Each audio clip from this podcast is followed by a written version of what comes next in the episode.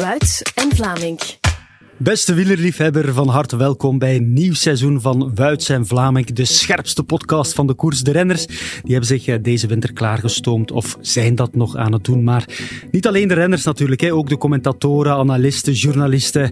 Zeker als ik kijk naar de man hier eh, rechts van mij. Zijn uh, fysieke verschijning is nog altijd even scherp als zijn wieleranalyse. Dat hoop ik toch. Dag Michel Wuits, je hebt veel gesport denk ik deze winter.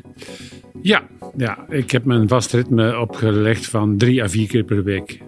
Okay. Lopen, ja. ja. Um, voor fietsen vind ik het een beetje te koud, een beetje te fris. Fietsen heeft hoe dan ook altijd een statisch effect. Hm. De kou pakt je op je bovenlijf en daar hou ik niet van. Je bent geen echte Flandriaan dus? Mm, steeds minder. Goed, Michel, ik ga niet vragen of je er naar uitkijkt naar het wielervoorjaar, want natuurlijk is dat zo. Maar als we het over de voorjaarsklassiekers hebben, waar ben je toch het meest benieuwd naar? Um, naar de manier waarop uh, alle toppers en ook hun ploegen zullen omgaan met een nog breder aanbod. Dan spelen komen er natuurlijk ook nog eens bij. En waardoor je toch wel een aantal verschuivingen ziet in de aanpak. Uh, ik verwijs naar eh, Van Aert, ik verwijs naar Van der Poel, ik verwijs naar Pogacar. Het zal anders zijn dan vorig jaar. Er komt een wat bredere spreidstand. En dat is een goede zaak voor die wedstrijden die erbij komen of die nieuwe aanpak. Maar dat is een slechte zaak voor het gehele plaatje van bijvoorbeeld de Ronde van Vlaanderen, waar eh, Pogacar niet aanwezig zal zijn. Of Milan-San Remo, waar Van Aert zal passen. Oké, we gaan het er straks uitgebreid over hebben. De komende maanden gaan we trouwens elke maandag een... Uh, aflevering maken van Wuits en Vlaming. We gaan dat natuurlijk niet met ons tweeën doen. Elke week komt er een mooie, interessante gast die wel het een en ander over de koers weet. En Nathan van Hooydonk die komt bijvoorbeeld een paar keer langs. Seb van Marken, Jan Bagelands uiteraard. Maar we beginnen met een winnaar van Parijs-Roubaix, een gele truitdrager, een winnaar van de omloop E3 Gent-Wevelgem, Tirreno Adriatico, ook gewonnen Parijs-Tour, etappes in de Tour en de Vuelta. U hoort het, een man met een palmares van hier tot in Rio. Want hij is ook eh, Olympisch kampioen, Greg van Avermaat. Dag Greg. Hey, hallo. Ik zou er ook kunnen bijzeggen, gepensioneerde Greg van Avermaat. Hoe, hoe klinkt dat? Ben je het al gewoon om gepensioneerd te zijn? Goh ja, ik zie het als een compliment. op mijn 38e pensioen mogen gaan. Dat is waar. Uh, maar het is wel een beetje raar, ja. Ik heb uh, toch een uh, groot deel van mijn passie eigenlijk moeten achterlaten, want het was toch fietsen. En het is een beetje eigenaardig om hier te zitten en mijn analyse te moeten maken voor het, voor het voorjaar. Omdat ik er 17 jaar zelf ben, bij geweest. Dus ja, dus, het is een andere situatie, maar ik heb, ik heb vrede met mijn carrière en ben heel fier op. En ik kijk er ook naar uit om ja, het nieuwe nieuwe wielervoorjaar te analyseren zonder mij. Mm -hmm. Pensioengerecht, moet je nu echt niet meer werken? Uh, ja, niet, uh, ja, wat is dat eigenlijk werken? Ik heb gewoon als mijn leven niet gewerkt. dus ik weet het nog altijd niet wat werken is. Misschien is dit vandaag de eerste keer. je hebt nu niet moeten opbouwen naar een voorjaar. Hoe raar was dat de afgelopen winter? Om te beseffen van, kijk, de eerste koers is dan, ergens in februari, maar ik moet daar niet naartoe leven. Ik moet daar niet naartoe werken. Heb je dat gemist op de een of andere manier? Ja, ik mis dat, ja. Ik zou zeggen, dat is mijn passie geweest. En uh, ja... Dus ik ben nog altijd een beetje wielrenner in mijn hoofd. En uh, die gasten begaan dan op stage in december. En normaal is dat bij mij ook het geval. En dan uh, zie je ze vertrekken. Allee, ik, ik, zit ook nog in een, een trainingsgroepje, waar ik ook nog wel mijn conditie een beetje onderhoud. En dan zie je die naar Spanje vertrekken. En uh, je mag bij wijze van spreken niet mee. Dus dat is aanpassen. maar, maar het is zo. Het is, ja, het is mooi geweest. En dan moet je er ook vrede mee nemen. Maar, de zon gemist? Vooral de zon, ja. Dat moet ik nu wel zeggen. Als je december, januari niet gewoon zit van, uh, van veel in, uh, in Vlaanderen of in België te zijn, zou je wel uh, depressief worden en is het heel moeilijk om tijd te vinden om nog van, buiten te gaan sporten. Je hebt thuis wel wat zonnetjes rondlopen natuurlijk. Die zijn ook wel blij wellicht. ja, die schijnt toch een klein beetje op mij. Maar of dat, dat voldoende is, dat is nog maar de vraag. -huh. Maar het is een verslaving geweest. Hè. en het is een klein beetje afkicken dat ik nu momenteel aan het doen ben. En ik probeer bij mondjesmaat een klein beetje af te kicken, want ik fiets natuurlijk en ik loop ook nog. Uh, nog triathlon, je hebt al een triathlon gewonnen. Ja, ik, uh, ik ga dat daarbij houden, denk ik, want het is één op één. anders, gaan mijn, 100%. Uh, anders gaan mijn stads naar beneden gaan. dus uh, ik ga toch nog een tijdje wachten voor die twee te doen. Maar ja, ik ben sportfanaat. en ja, sinds mijn zesde eigenlijk al. Dus het zou een beetje eigenaardig zijn. Moest ik nu dat volledig stopzetten. Oké, okay, goed. We gaan deze eerste aflevering vooruitblikken op het wielervoorjaar. Uiteraard hebben we het uitgebreid over Wout van Aert, over Mathieu van der Poel, Remco Evenepoel, Lotte Kopecky en hun ploegen. We pikken er ook nog wel uh, andere namen uit. En uiteraard blikken we vooruit op de Ronde van de Algarve, want daar komen meteen heel wat toppers aan de start. De Ronde van de Algarve die je trouwens live kunt bekijken deze week op Halen. Nogmaals van harte welkom. En het eerste woord is voor Wout van Aert. Ronde en Roubaix uiteraard, dat zijn de grote doelen. Hè? Ja, tuurlijk. Uh, ja, het zijn twee koers die me, die me goed liggen, waar ik, uh, waar ik al veel mooie resultaten heb gehaald. En uh, ja, spreekt voor zich dat we, dat we blijven proberen om die te winnen en uh, daarvoor te gaan. Dus dat zal in 2024 niet anders zijn. Wout van Aert wil uh, scoren, net als uh, vorig jaar Michel in de Ronde van Vlaanderen en Parijs-Roubaix. Ik weet het, Wout van Aert moet juist niets. Dat heeft hij zelf al een paar keren herhaald, maar hij wil natuurlijk heel veel. Hè. Is het toch niet stilaan van moeten? Dat is een uh, beangstigend woord, hè? Mm. Uiteindelijk is het zo dat hij wat het voorjaar betreft maar twee kansen heeft. Want het brede publiek verwacht dat hij en de Ronde van Vlaanderen en Parijs-Roubaix wint. Alsof dat allemaal maar zo makkelijk is, hè? Alsof het waar is uh, dat uh, meneer Plugge, zijn manager, zegt van wij gaan ervoor zorgen dat er niet meer lek kan gereden worden. Ik geef op een, op een blaadje zullen bij uh, Visma, Lise nog altijd lek rijden. Met andere woorden, er kan hem nog altijd van alles overkomen. En het is door schrapping van andere dingen zoals Milan Sanremo, zoals de Strade Bianca, zoals Terreno Adriatico of Parijs-Nice, dat hij gokt. Maar het is zo dat dat niet een gok is van nu. Men is er al een aantal jaren mee bezig met die gedachte. Laten we eens een keertje formeel schrappen en ervoor zorgen dat je dan in die veertien dagen waarin iedereen het verwacht en waarin jij het ook verwacht, dat het dan ook gaat gebeuren. Mm -hmm. Mark Lambert zei mij drie jaar geleden al, als ze naar mij zou geluisterd worden, dan zouden we vooraf niks doen dan op hoogtestage gaan en uitpakken in die periode. Mm -hmm. Ties Benoot heeft het niet over gokken, hè? Hij heeft het over een berekend risico. Uh, wat is dat dan? Risico, wat, is dat dan? Ik denk dat er ongetwijfeld ook wel uh, gokkantoren bestaan waar je een hoog berekend risico uh, kunt inschakelen om zo weinig mogelijke verlies mee te pakken. Maar ik begrijp het wel. Het is een, een andere manier van benaderen. Um, en van Aert is van een dergelijk uh, hoog niveau uh, dat als hij uh, met die instelling en met die voorbereiding van zijn bergen gaat nederdalen, dat hij heel hoog zal mekken. Mm -hmm. Maar om zijn grootste tegenstander te verstaan, dan komen we uiteraard, te verstaan en we komen uiteraard bij Van der Poel, dan gaat hij toch 105 tot 110 procent moeten zijn. Mm -hmm.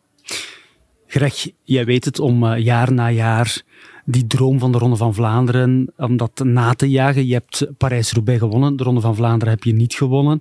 Um, hoe gaat dat in het hoofd spelen als je er iedere keer naast grijpt? Uh, begint dat dan te wegen?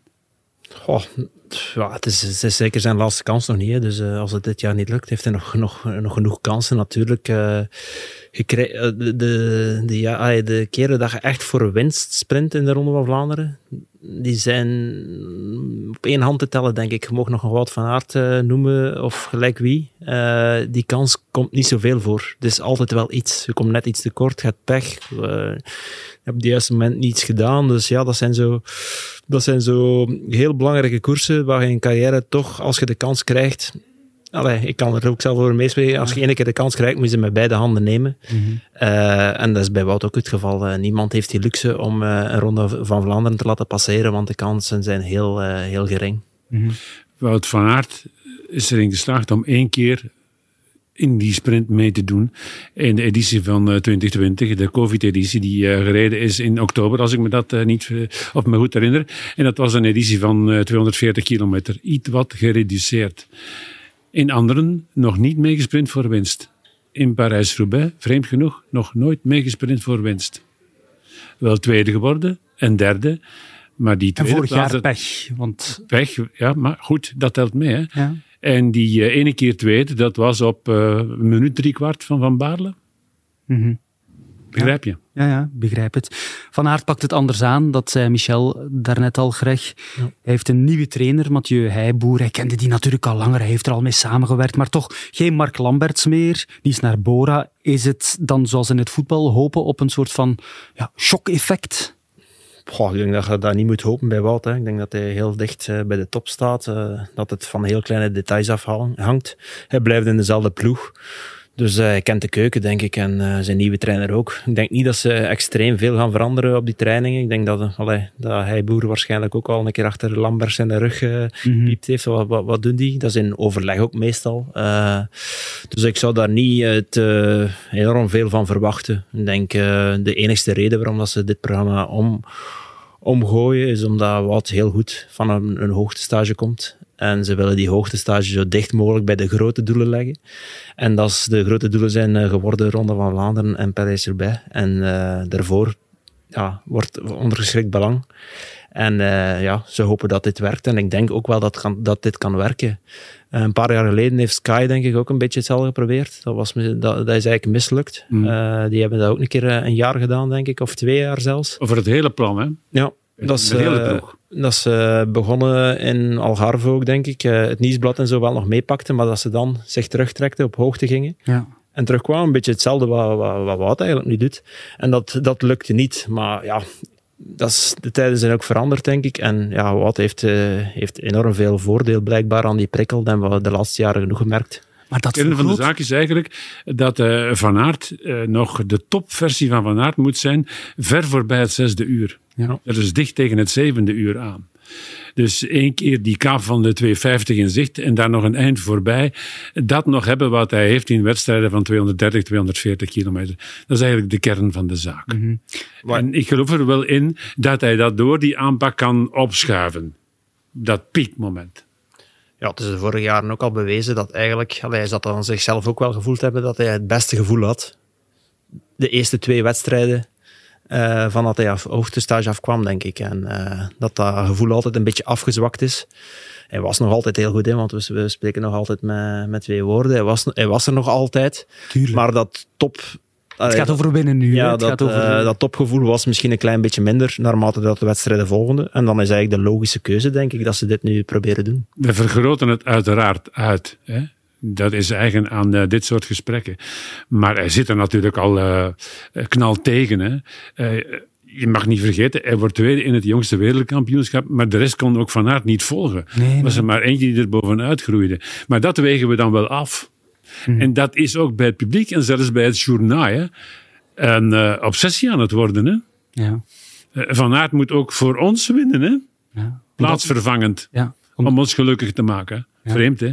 Goh, niet zo vreemd. Het is, Menselijk. het is ook wel fijn om te zien dat er een Belg wint en dat hij succesvol is. Dat is eh, altijd fijn. Maar het vergroot toch ook, dat vraag ik me dan af als renner, het vergroot toch ook de druk op jezelf. Je zegt van kijk, ik ga niet deelnemen aan Milan Sanremo, eh, Tirreno, Strade. Ik laat het allemaal vallen met de bedoeling om top te zijn in die twee wedstrijden die hij zo graag wil winnen. Maar ja, als het dan mislukt, dan blijft hij met lege handen achter. Dat is toch een beetje ja, de druk vergroten op jezelf, of zie ik het te, te eng? Goh ja, dat verhoogt, dat verhoogt de druk wel een beetje, maar degene die zich het meeste druk gaat opleggen, denk ik nog altijd, is de renner ze- zelf. Ja. Maar je kunt dat gelijk eh, niet accepteren als iemand anders dat zegt, snap je? Nee, ja, je, doet, je doet alles in de winter gewoon om die koersen te winnen. En eh, ja, je legt jezelf heel veel druk op, je zit ermee bezig. En je vinkt alles een beetje af. En je bent nooit niet tevreden als renner. Maar als iemand anders dat dan gaat bekritiseren, dan is dat moeilijker te accepteren. Heb je dat zelf Eh, ook meegemaakt? Ja, dat is, dat is eigen. Hè. Ik, ik, kost me, ik was nooit niet content hè, als ik eh, van de koers terugkwam. en eh, ja, dat, je zit op je eigen te vitten en waarom heb ik dat niet gedaan en dat niet gedaan. En als iemand anders dan ging zeggen van ja, Greg is altijd net niet of, uh, of Wout is altijd net niet, is dat moeilijker te accepteren als je dat zelf, als je dat zelf Mhm. zegt. Dat is eigen, denk ik. Het individu in de topsporter twijfelt zelf ook wel. Dat is gezond, En hè? niet geen klein beetje. En als daar dan ook nog eens twijfels over geuit worden in de pers, dan eh, gaat dat nog zwaarder doorwegen. Hè? Mhm. Dat is eigenlijk wat zo iemand overkomt. Maar van de andere kant kan hij bouwen op een aantal ervaringen die hem deugd gedaan hebben. Hè.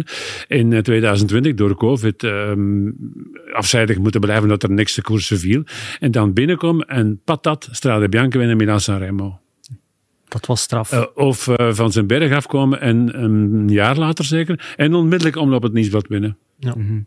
Dat was in 22. Ja.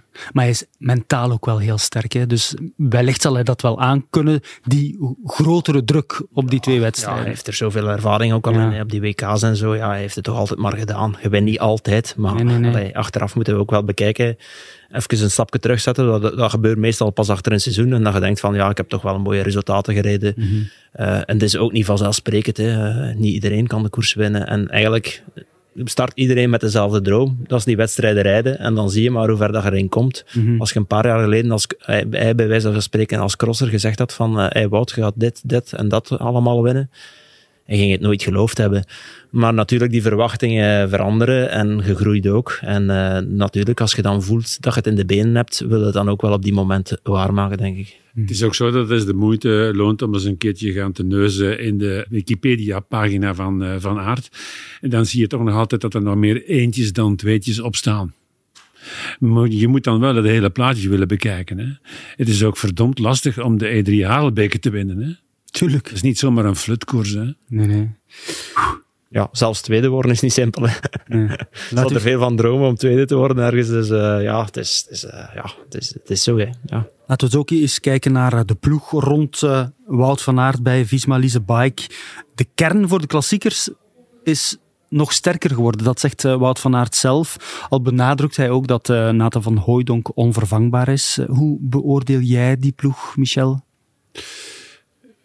Jorgensen is erbij gekomen. En dat is een type dat mij geweldig charmeert. Als je in het verleden uh, een, al, een aantal keer geïnvesteerd hebt om meer te weten te komen over uh, voeding, over techniek en dergelijke, omdat je dat uh, bij je oorspronkelijke ploeg niet gekregen hebt, dan heb je een goede spirit. Mm -hmm. Ik heb die jongen zien vechten om te winnen bovenop de Puy de Dôme. Dan dacht ik van, oh, die is wel uit een bijzondere goede houtsoort gesneden. Dus daar geloof ik wel absoluut in. Mm -hmm. Ik meen ook dat men uh, Tratnik gaat gebruiken in klassiekers. Uh, Tratnik is een werkpaard dat misschien qua inhoud onderweg, hè, niet als afwerker, maar qua inhoud onderweg vanuit het best benadert. Dus dat is toch allemaal van een toegevoegde waarde. Mm -hmm. um, ik ga ervan uit ook dat Laporte mee de finales gaat rijden. Daar zie ik wel een gevaar in. Laporte is een Europees kampioen. Laporte heeft, draai een keer zoals je wil, geen Wevelgem gewonnen. Laporte is gestegen in de mentale orde. En ik denk dat hij af en toe ook wel wat zal willen afdwingen. Wat logisch zou zijn. Wat logisch is. Uh -huh. Wat vind je van uh, Perstrand Hagenes? Goh, um, als die uh, vorig jaar in die ene overwinning in die rittenkoers, ik weet niet meer waar, ervan overtuigd was dat hij nog over had, want hij wilde nog doorrijden, dat, nadat hij al over de streep was als winnaar, ja, dan denk ik van wat een spirit heb je dan, hè? Mm -hmm. um, dat, is een, dat is een megatalent. Hè? En het feit dat men die nu al wil inschakelen in het uh, voorjaar, uh, wijst er toch op dat hij op uh, testen geweldige cijfers neergepoot heeft. Ja. Veel kopmannen wel, hè? Dille van Baarle, Christophe Laporte, Wout van Aert. Is dat te veel, Greg? Ja, in de breedte heel, heel sterk, denk ik. Hè. En, uh, ja, ik mis daar inderdaad wel een, een beetje een type Nathan. Uh, parcourskennis, een Belg. Hè, dat, dat helpt altijd wel een beetje. Hier in de, in de jeugd gekoerst hebben. Dat, zijn, dat hangt af van details. En ze proberen dat natuurlijk wel op te vangen met uh, heel veel verkenningen en alles goed door te nemen. En, uh, maar ik denk dat je dat soms wel kunt missen. Dus het type Nathan, echt specifiek Nathan, mis ik wel daar een beetje in. Je hebt inderdaad zowel kopmannen, oftewel echt helpers. -hmm.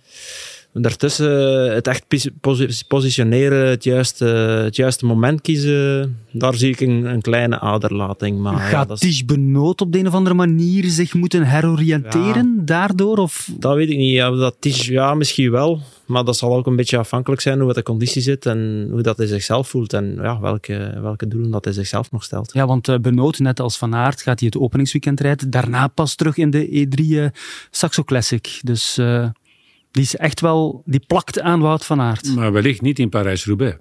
Of is hij van uh, gedacht veranderd? Want de voorbije jaren heeft hij in functie van de Ardennen Parijs-Roubaix gedropt. Ja, juist. Om nog eens terug te komen uh, op Van Hooijdonk. Uh, Greg heeft volkomen gelijk. Komt er ook nog eens bij dat Van Hooijdonk in een aantal wedstrijden.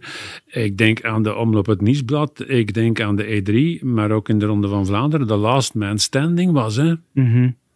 Ja, hij is echt de laatste jaren boven zichzelf uitgesteken eh, gestegen eigenlijk, Nathan. Eh, we hebben hem zelf nog bij BMC gehad, dan die overstap gemaakt en hij heeft dan eh, echt enorm veel progressie gemaakt. Hoe groot is het verlies van Nathan van Hooydonk? Kan jij dat zeggen als jij zo'n type eh, uit jouw ploeg zag vallen? Wat, wat betekent dat dan voor jou als, als kopman? Ja, dat zijn de belangrijkste mannen die eigenlijk in een ploeg zitten. Hè. Eh, je hebt natuurlijk een Laporte, eh, die, die is heel belangrijk, maar dat is eigenlijk- ook al een afwerker. Eh, Nathan stelt zich volledig in dienst, maar kan ook heel diep meegaan in de finale. Dus dat zijn wel mannen die, die je echt nodig hebt in een ploeg. En die zijn heel moeilijk op te vangen. Is dan de ploeg verzwakt Dat zou ik, nu- dat zou ik nu niet durven zeggen, maar ja, het, voor Wout van Aert? het moet wel... Specifiek. Allee, we gaan wel zien hoe dat alles in, in elkaar valt. Dus, Het eh, zal afhangen van de inpassing van de nieuwe jongens. Het zij één, het zij twee.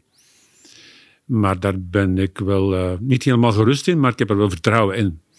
Je moet eh, die mannen ook kansen geven. Hè? Tuurlijk. Ja, maar met Jorgensen, allee, ik vind dat meer een, een, type uh, rittenkoers uh, in plaats van in Vlaanderen. We moeten dat toch nog allemaal zien hoe dat hij daar uh, mee is omgaat. meer een type van aard. Ja, ja dat, dat zou ik. Ja.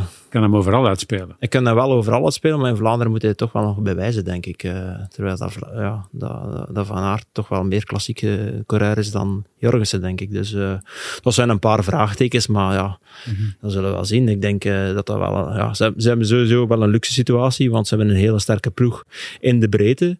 Maar de puzzelstukken moeten toch nog juist gelegd worden, denk mm -hmm. ik. Maar door de sterkte hebben ze altijd een um, zeer offensieve tactische aanpak gepleegd. Um, na 50 kilometer de boel opengooien. Mag ook iets verder zijn, maar toch manifeste wedstrijd in uh, handen nemen. En bijvoorbeeld in de omloop alles kapot rijden. Ja. Zo simpel is het. Dat is natuurlijk een stuk moeilijker in uh, de Ronde van Vlaanderen, maar in Parijs-Roubaix hebben ze dat eigenlijk ook gedaan. Daar wel het ongeluk gehad dat uh, Laporte uh, lek viel op het moment dat hij mee vooraan zat. Moeten ze dat nu blijven doen? In die semi-valtrappen? Of moeten ze het meer overlaten aan Alpecin? Van der Poel, het is aan jou, jong. Je hebt hier toch al alles binnen. Mm -hmm. Goh, ik denk dat je toch best de koers in handen pakt. Hè. Ze hebben heel veel mooie resultaten gereden. Het is net een beetje tegenslagen, denk ik, in Vlaanderen en Roubaix. Maar daarvoor was eigenlijk wel Jumbo heel dominant. Dus uh, ja. kunt niet zeggen dat ze dat verkeerd deden. Ik denk uh, dat dat ook wel veel vertrouwen geeft. Je zit altijd op je gemak. En je, je, je, zit altijd in een situatie dat je alles in, in handen hebt. Dus uh, ja, in de, in de klassiekers dat dat toch wel uh, een voordeel is. Neem je Van der Poel dan op de buggy mee?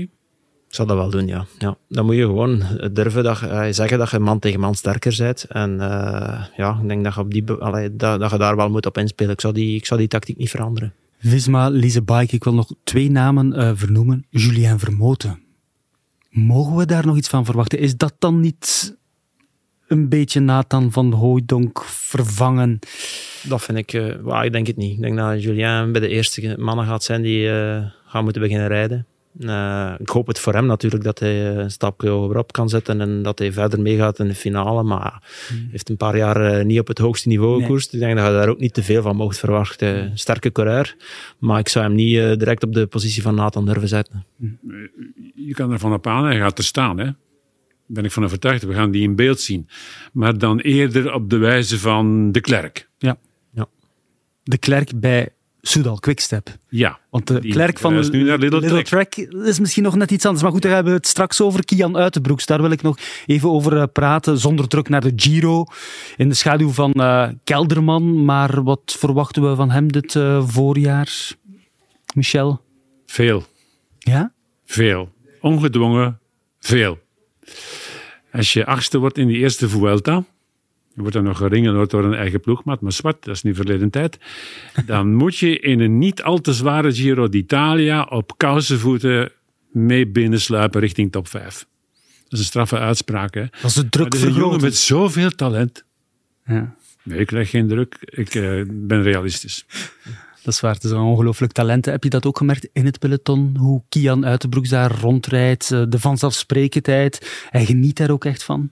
Ja, ik denk dat het een heel groot talent is. Hè. Ik heb hem eens gezien in Ardennen, denk ik, als ik ook aan het trainen was. En dan uh, was ik al onder indruk van zijn professionaliteit. Maar ik denk, uh, in tegenstelling dat Michel zet hem niet te veel druk op, op, op leggen. En dat uh, je moet ja, vooral leren in Giro. Het zal niet zo simpel zijn, denk ik, om, om die achtste plaats in de Vuelta ja, te, te bevestigen. Mm -hmm. Dus ja, ik denk dat we zeker zijn van zijn kwaliteiten, maar het is toch wel weer een grote ronde. En we zullen zien hoe, hoe, ver dat hij kan geraken. Oké, okay. Visma Bike. We hebben het gehad over Wout van Aert. En wie van Aert zegt, heeft het ook heel vaak over Mathieu van der Poel. Opnieuw wereldkampioen geworden in het veld. Hoe zien de komende dagen, weken eruit voor jou? Eerst uh, ga ik uh, een beetje rusten. Uh, het is toch wel een belastende winter geweest. En ik wil toch ehm, een beetje ontspanning voor ik eh, naar de klassiekers begin toe te werken. Kan je dat topniveau dan nog lang aanhouden? Ja, dat denk ik wel. Ehm, ik zit nu een beetje onderbreken om dat even um, een onderbreking in te hebben in die opbouw. Om dan uh, terug op te bouwen naar het voorjaar. Zoals, zoals vorig jaar eigenlijk. Zoals vorig jaar. En we weten hoe het vorig jaar is gelopen. Hè. Nu even een beetje gaan golfen, een beetje skiën. Dat hebben we gezien op zijn sociale media na een pittige winter. Veel gewonnen veldritten. Zesde wereldtitel in het veld. Mathieu van der Poel. Ja, 2024 staat eigenlijk bij hem in het teken van het opvullen van hiaten. Het grootste hiaat is een Olympische titel natuurlijk deze zomer. Maar in april is er opnieuw de strijd met uh, Wout van Aert in Roubaix en in de Ronde van Vlaanderen. En Van der Poel, dat is misschien toch iets waar hij mee bezig is, kan mederecordhouder worden in de ronde en voor de derde keer winnen. Is dat dan hetgene waar hij op zal focussen? Want we kennen zijn programma nog niet officieel. Nee. Maar probeer hem in die Ronde van Vlaanderen maar eens van het podium te houden. Hè? Die erenlijst in de Ronde van Vlaanderen die is uh, onwaarschijnlijk. Um, hij valt in een plantenbak bij zijn eerste deelname, wordt toch nog vierde. En dan eerste, tweede, eerste, tweede. Dat is haast irreëel. Dus de kans is heel groot dat hij die derde pakt. Hè. Mm -hmm. Vooral omdat hij, een beetje in tegenstelling tot Van Aert, wel een tegenslag kan verwerken. Dat hij zoveel klasse heeft dat als hij onderweg in de aanloop naar zo'n uh, Ronde van Vlaanderen of Parijs-Roubaix, um, als hij een um, virale infectie opdoet, dat hij dan toch zoveel klasse heeft dat hij daarvan herstelt en weer uh, op het allerhoogste kan mekken. Mm -hmm. Het moet minder afgemeten zijn. Het kan bij Van der Poel ook out of the blue komen. Denk aan Milan Sanremo van een paar jaar terug, van twee jaar geleden, um, waarin hij derde werd nadat hij een uh, hele winter met zijn rug gesukkeld had. Die zorgeloosheid bij Mathieu van der Poel, de manier waarop hij in het leven staat, is dat zijn grootste troef eigenlijk? Ik denk dat die kleiner is uh, dan geschreven is of dan vermoed. Ja? Ja. Ik heb van gesprekken uh, met trainers of mensen die met trainers gesproken hebben afgeleid dat hij ook wel maniacaal bezig is en dat toch al een jaar of twee, drie. Ja, maar nog niet zo heel lang, hè? Anders kan dat niet. Ja. Uh, ook die andere aanpak, um, een bredere basis leggen in de winter, um, koersen in de aanloop wegcijferen om te pieken en dan grandioos te winnen in de wedstrijd waarin hij wil, wil, uh, wil winnen. Maar dan kom je bij een interview waar uh, Greg van Avermaat geïnterviewd wordt en die zegt van, in Tirreno zat ik naast Van der Poel en zaten wij tegen elkaar te klagen hoe slecht we wel waren. -huh.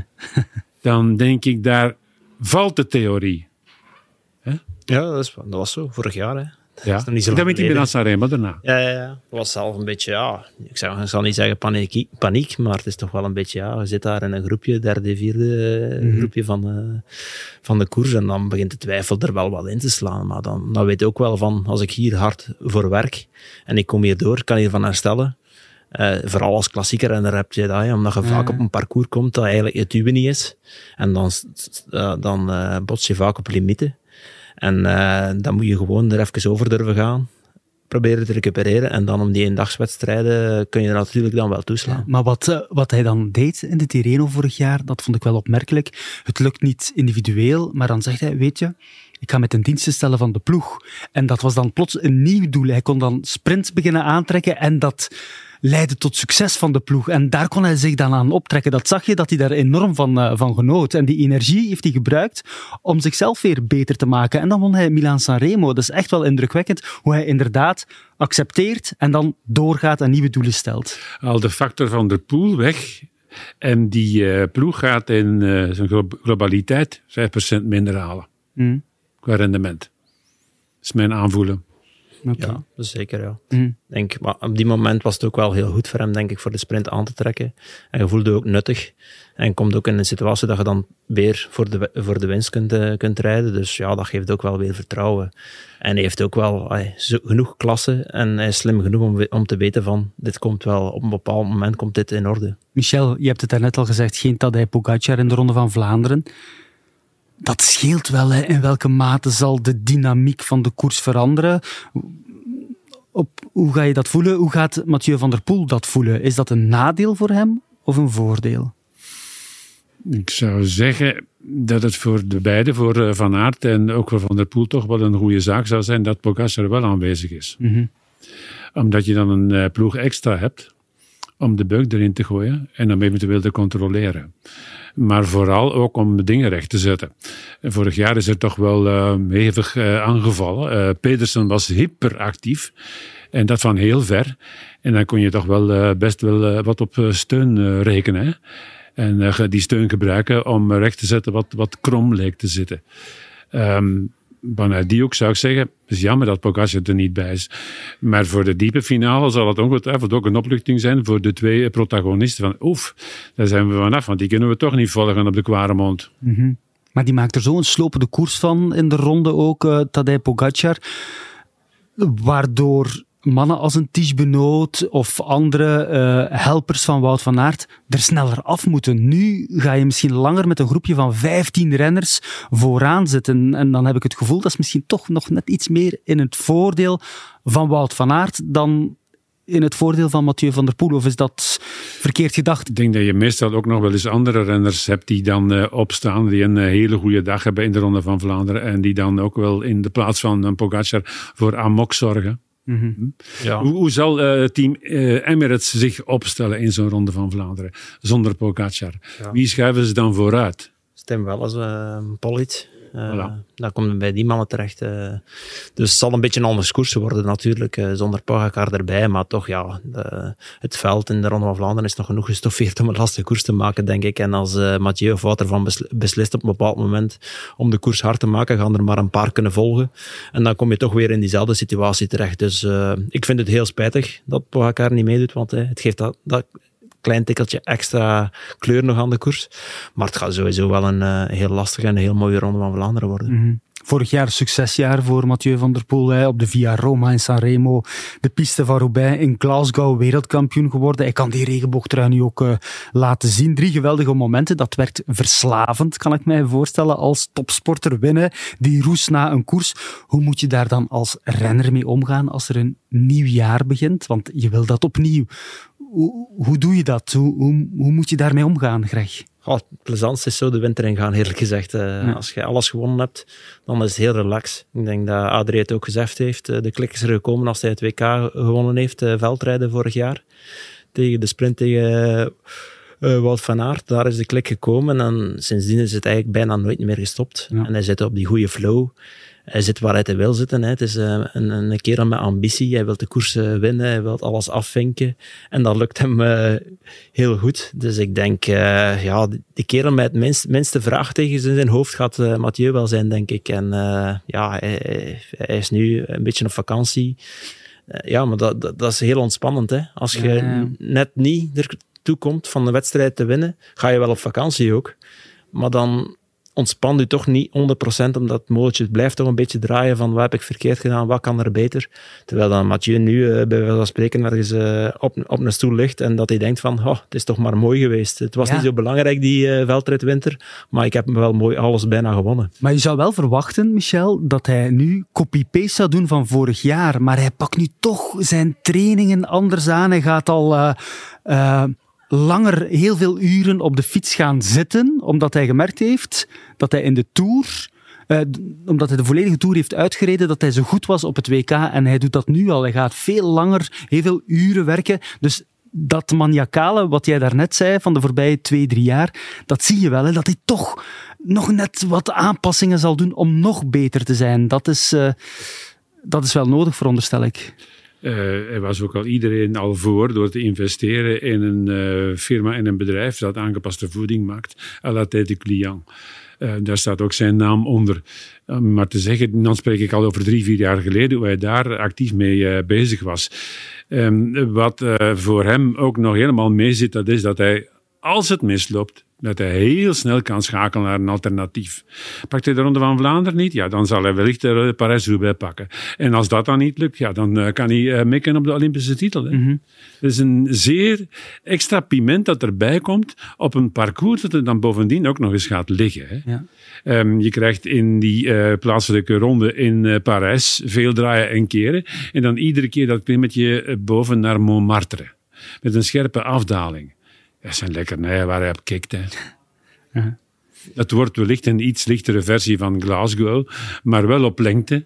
270 kilometer in tegenstelling tot de kortere versies van de voorbije edities op Olympische Spelen. Ja, minder, minder controle denk ik ook op de Olympische Spelen, omdat ze nu maar met vier man gaan zijn in plaats van vijf. Op een WK heb je acht man ter beschikking. Ja. Dus uh, ja, dat gaat met nog meer man tegen man komen. Hmm.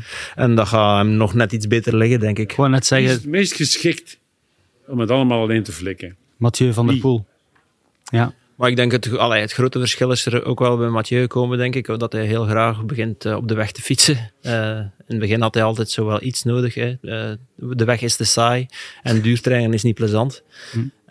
daarmee dat hij ook in het veld blijft rijden, denk ik dat hij ook de, de zijstap maakt naar het mountainbike, omdat dat net iets meer entertainment is als, als renner zelf. Hè. Je moet hm. geconcentreerd zijn, je moet een afdeling goed pakken en dat geeft ook wel iets meer kick dan die uren malen. En daarom is hij ook naar Spanje verhuisd. Het is daar, de, de zon is daar en hij, hij rijdt ineens veel liever op de weg in de winter, omdat de ja. zon daar is. En, uh, uh, ja, hij heeft vooral die klik gemaakt in zijn hoofd dat dat ook plezant kan zijn. Hij heeft voldoening van duurtrainingen te maken. Maar niet alleen, hè? Hij, hij traint nee, niet graag alleen. Niet alleen. Hij wil altijd praten. Hij heeft altijd wel iemand nodig voor mij mee te gaan, maar hij heeft daar wel het plezier gevonden van het wegwielrennen, denk ik. En mm. dat is zo, die basis, denk ik, helpt hem nu wel een beetje om, om die, die toppen nog hoger te maken. Mm. En dat heeft hij vroeger misschien net niet iets te weinig gedaan. Mm. Uh, en dan gaan we zien, uh, ja, hij moet vooral daar het goede evenwicht in vinden, denk ik nu. Die uitstapjes met Evenepoel, van der Poel met Evenepoel. In Spanje. Training. Daar zou ik wel eens willen bij zijn. Als drone dan, hè? Ja. Wat zouden die zeggen tegen elkaar? Ja, dat zou ik eens uh, willen afluisteren. Ja. Ja, Misschien een of ander samenwerkingsverband. Dat zou... Uh... Je weet maar nooit waarvoor het allemaal goed is. Wil jij Luik Bastenaken Luik winnen, uh, Mathieu? Ja. ik wil de ronde wel eens winnen. Hè? Ik denk dat hij eerlijk gezegd niet te veel over de koers aan het praten zijn. maar goed, je zei daarnet, Michel, um, Mathieu van der Poel kan het alleen, maar laten we toch eens naar zijn ploeg kijken. Wat vinden we van zijn uh, ploeg? Een uh, ploeg die zichzelf overstijgt als uh, Mathieu van der Poel en Philipsen top zijn. Mm -hmm. Ik uh, schat die intrinsiek minder in dan de ploeg van uh, Visma Lisebaak. Um, ondertussen wel al op het niveau uh, van de voorjaarsploeg van Soudal Quickstep, met zekerheid. Maar duidelijk toch nog niet dat uh, profiel, dat extra profiel van uh, uh, Visma Bike. Maar dat neemt niet weg dat ze zeer gewikst koersen en dat ze zich perfect kunnen schikken naar wedstrijdomstandigheden.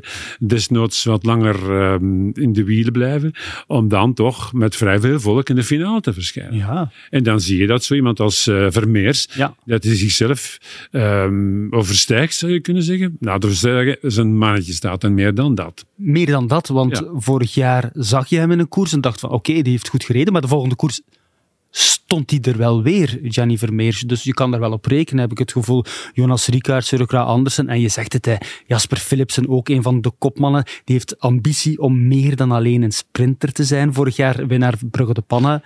Tweede in Roubaix. Maar wat doe je daarmee als ploeg, als ploegleiding? Hij heeft die ambitie, maar ja, dat zijn natuurlijk ook wel de koersen. Roubaix voor Mathieu van der Poel.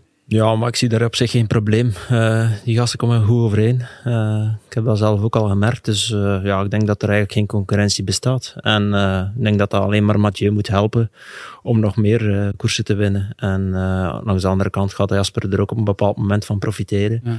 Dus ja, ik denk dat die, die ploeg eigenlijk heel goed in elkaar zit. Heel goed is opgebouwd. Maar inderdaad ook nog een keer een Gianni Vermeers die heel ver kan meegaan en nog mm -hmm. dingen op zich kan nemen.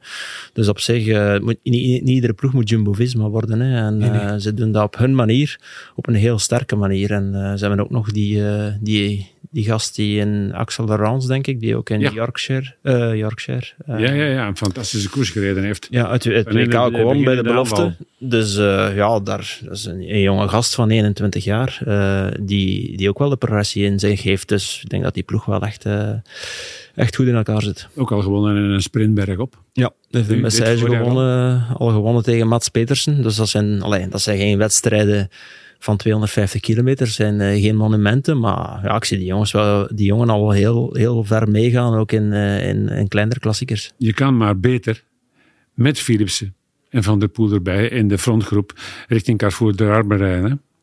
Dat is Ja. waar. Zeker. Als je dan teruggehaald wordt en je voelt je net een tikkeltje minder, dan is het wel een eh, goed idee om te zeggen van, hmm, ga een beetje inhouden, want Philipsen kan zo'n sprint op de piste winnen. Mhm. Ja, en het voordeel is dat Mathieu het al gewonnen heeft ook. Hè. Dus niet dat hij nog iets najaagt op die moment. Dus ik denk dat dat een win-win kan zijn voor, eh, voor beide partijen. Zie je Jasper Philipsen Roubaix winnen? Als je tweede kunt worden eh, vorig jaar, ja, dan, dan kan ik hier moeilijk zeggen nee. Dus eh, ja, ik was er zelf ook wel een beetje van verschoten dat hij zo sterk al was. Want eh, waar ik bij Jasper meeste onder indruk was, was zijn beensnelheid eigenlijk. En echt de pure snelheid op een, op een vlakke aankomst in de, in, de Ronde van Frankrijk, in de Ronde van Frankrijk had ik eigenlijk nooit niet in hem gezien. Ik zag meer een ma- machtsprinter in hem. Eh, en om dan nog die combinatie te waken met klassiekers, dat vind ik een heel moeilijk. Ik heb dat eigenlijk nog weinig mannen zien doen. De junior, Jasper Philipsen, was eerder tijdrijder en een machtsprinter in een beperkt groepje dan een massasprinter. Hè? Die is eh, geëvolueerd naar de beensnelheid. En eh, daar, sta ik, eh, daar volledig achter, achter wat de gerecht zegt. Eh, die eh, maakt een evolutie mee naar dat sprinterschap dat ik vooraf, die ik vooraf niet had, kunnen inschatten. Maar nu is mijn vraag, gaat hij tot zijn recht komen ooit in een wedstrijd van het type Ronde van Vlaanderen? Ik refereer naar zijn optreden in het wereldkampioenschap. Daar was hij uiteindelijk in de Belgische selectie totaal overbodig. Ja.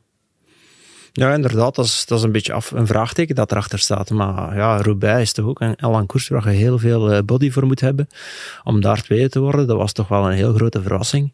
Dus ik zie hem misschien nog niet dit jaar, maar binnen de volgende jaren toch eh, groeien naar misschien ook toch wel een, eh, een kans hebben voor de Ronde van Vlaanderen. Ja. Oké. We moeten het hebben over een ex-wereldkampioen, een jongen die ook in Spanje woont, net als eh, Mathieu van der Poel. We hebben het over Remco Evenepoel. Het is ook een beetje een, eh, zoektocht geweest naar een eh, goed gebalanceerd programma waarin ik eh, toch met best wat frisheid nog aan de Ardennen klassiekers kan beginnen. Ehm, om dan een, een heel pittig trainingsblok richting, richting de Tour in te plannen. Ook geen hoogtestages in het begin van het seizoen, dus alles vrij low-key, vrij, vrij basic zal ik maar zeggen. En van, eh, van koers naar, naar hier. Dus eh, ja, ik ben er wel content mee. Het gaat eh, niet over, zijn, dus het is een mooi programma. Het is een mooi programma. Remco Evenepoel zien we dit voorjaar al heel snel. De Fuiguera Classic ligt al achter ons, maar deze week start hij in eh, de ronde van Algarve. Daarna volgt Parijs-Nice, de ronde van Baskeland, Amstel Gold Race, de Waalse Pijl, Luik, Bastenaken, Luik. En daarna natuurlijk alle focus op de Tour, de Spelen en het WK. Maar laten we kijken naar zijn eh, voorjaar. Is het een eh, goed programma, Michel? Hij kan uitstekend starten in Algarve. Daar al twee keer gewonnen. Er zit een tijdrit in van 22 kilometer. Twee keer een aankomst boven. Weliswaar niet eh, verschrikkelijk steil. Dus hij als tempoklimmer moet dat aankunnen. En dan moet hij in staat geacht worden om die eh, ronde, een rittenkoers eh, van vijf dagen voor een derde keer te winnen. Ehm, eerste grote test zal Parijs-Nice zijn. Parijs-Nice, dat wordt een beetje copy-paste van het slot van de Ronde van Frankrijk. En dus vandaar zeer interessant. Ja, zeer interessant. En ook belangrijk voor een renner, Greg. Om daar al goed te zijn, hoe moeten we dat inschatten? Parijs-Nice met zijn ambities. Hij wil eh, Luik Ja. scoren opnieuw, maar in de Tour natuurlijk is het belangrijkste doel. Hoe moeten we dat, hoe moeten we dat inschatten, die Oh, Parijs-Nice? eh, richting de Tour denk ik Ja. een heel belangrijke test, ja. Ik denk dat, dat eh, die stress komt er een beetje bij in Paris-Nice. Eh, de eerste twee, drie ritten zijn echt, echt niet plezant. Eh, heel veel stress, eh, positie kiezen, Wires. eh wires, ja, slecht weer erbij, gevaarlijk. Allee, dat is, dat is, alles wat ik hierop noem is niet plezant. Maar, alles open. Oeh. het is wel een goede, het is wel een goede test, denk ik, voor hem, om, eh, om het een keer mee te maken. En ik denk ook dat het de eerste keer is dat hij zoiets doet, denk ik. Hè? Dat hij echt eh, blootgesteld wordt aan, aan, aan zulke dingen. Dus eh, ja, hij gaat er heel veel leren en hij gaat ook heel veel opsteken richting de Tour, denk ik. Want de eerste week van de Tour, het is natuurlijk een beetje anders nu, omdat het in Firenze plaatsvindt, is vaak ook heel stresserend en kun je wel een klein beetje vergelijken met de nervositeit in het peloton, eh, die, daar, die, die daar voelbaar is. En als dat tegenvalt, die Parijs-Nice... Dan eh, moet je ehm, daar even van bekomen, maar dan weer heropstaan. Hè? Dat is het leven van de topsporter. Hè? Ik heb altijd een beetje medelijden met mensen eh, die op sociale media, eh, zo iemand als Remco Evenepoel, die oh, zo ontzettend veel kan, meteen gaan klieven, eh, de grond inboren. Maar het is eh, compleet zinloos. Ehm, een maand later gaat hij dan iedereen verrassen door iedereen uit het wiel te jassen in luik bastenaken Voilà. ja, dus ehm is allemaal zo kort door de bocht. Ehm, dat neemt natuurlijk niet weg dat hij als geboren winnaar Parijs niet zal willen winnen. Hè. Maar ook Luik Bastenaken Luik, hè? poes. Ook Luik Bastenaken Luik. De herkansing, Battle of the Giants tegen Pogacar. Ik hoop dat het ervan komt. Ja, Ik iedereen. hoop dat het ervan komt. Want we moeten ook eerlijk zijn. ehm, zijn eerste overwinning was fantastisch. Zijn tweede was ook imponerend. Maar eh, tegen een bepaald matig deelnemersveld. Pitcock was de laatste die weer stond. Hè? Men kan een sterker deelnemersveld samenstellen voor Luik Bastenaken Luik. hè. Ik stel vast tot mijn grote spijt dat de meeste ehm, protagonisten voor de Tour de France of voor andere grote rittenkoersen, die passen nu voor Luik. Hè? Dat is opvallend, Gaan ze hè? maar zoeken, hè? Ja, Valverde, starten niet? Valverde kost niet meer. hè. Nee. Ehm, ik, ik heb de, ehm, voor de wielergids van het laatste nieuws eens een keertje de proef op de som genomen. Van de top 10 van de Tour zijn er twee gestart in luik bastenaken luik dit jaar. Vorig jaar, excuseer. Hoe komt dat, Greg? Ja, ik vind dat een beetje spijtig. Hè. Ik vind dat een beetje gebrek aan ambitie, zeg ik altijd. eh, en de passie van het wielrennen. Eh, allee, als ik zoiets zie, vind ik, bloedt mijn hart altijd een beetje. Omdat ik weet, ook als die mannen, mannen zich zo 90% eh, zouden voorbereiden, dat die wel heel dicht bij die overwinning zouden komen. Dus eh, moest ik renner zijn en ik zou die kwaliteiten hebben, ik zou dat niet laten liggen. Maar ja, dat is eh, iedereen zijn mindset natuurlijk. Eh, maar het zou heel leuk zijn natuurlijk, mochten we Pogacar en Remco op dat niveau nog een keer tegen elkaar zien strijden. Want eh, ja, Remco in een dagswedstrijd op dat terrein. Allee, het mag nog weinig tegenstand geweest zijn. Is heel moeilijk te, klo- eh, heel moeilijk te kloppen, denk ik. Dat is toch wat je wil zien? Tuurlijk. Dat Ja. is toch wat eh, iedereen wil zien. Dat debat op Lara doet. En nu dat nieuwe ommetje, dat uh, uitlopertje nog na Lara doet. En dan nog eens over de Roger Faucon. Ja, dat is, dat is een droom, hè? Ja. Dat Evenepoel voor het eerst de Amstel Gold Race rijdt en ook pas voor de tweede keer de Waalse pijl, heeft dat alles te maken met de druk die de voorbije jaren wel telkens op Luik, Bastenaken, Luik lag. Misschien niet persoonlijk voor hem, maar ook voor de ploeg. Want nog niet gewonnen het hele voorjaar, al twee jaar op een rij. Ik vind dat het tijd is dat hij eh, in die voorjaarskoersen zijn gamma is uitbreid. En in een wedstrijd als de Amsterdam Race is hij zeker niet kansloos. Ik ben er zelfs van overtuigd dat hij in de, de Gold Race, net zoals hij dat kan in Luik Bastenaken zijn uh, truc speciaal kan bovenhalen. Hè? Dat is uh, gaan en niet meer omkijken en blijven malen. Hè? Op die uitloper, um, tikkeltje bochtiger dan dat vroeger was, kan hij ze wel uh, afhouden hoor. Mm-hmm. Ja, ik vind het wel een heel goede evolutie dat hij erbij pakt. Allee, ja. Het was vroeger een beetje geblokkeerd door de Giro natuurlijk. Dat is iets moeilijker dan in de opbouw om dat ertussen te passen. Maar nu, met de keuze van de, van de Tour, allee, kan dat er wel bij, denk ik. En uh, ik vind een Amstel wel een heel leuke test om te zien hoe dat hij zich daar gaat profileren. Hoe dat hij ze, uh, in, in, de wedstrijd kan komen. En ik blijf erbij, ja, dat, dat soort wedstrijden moeten hem ook wel liggen.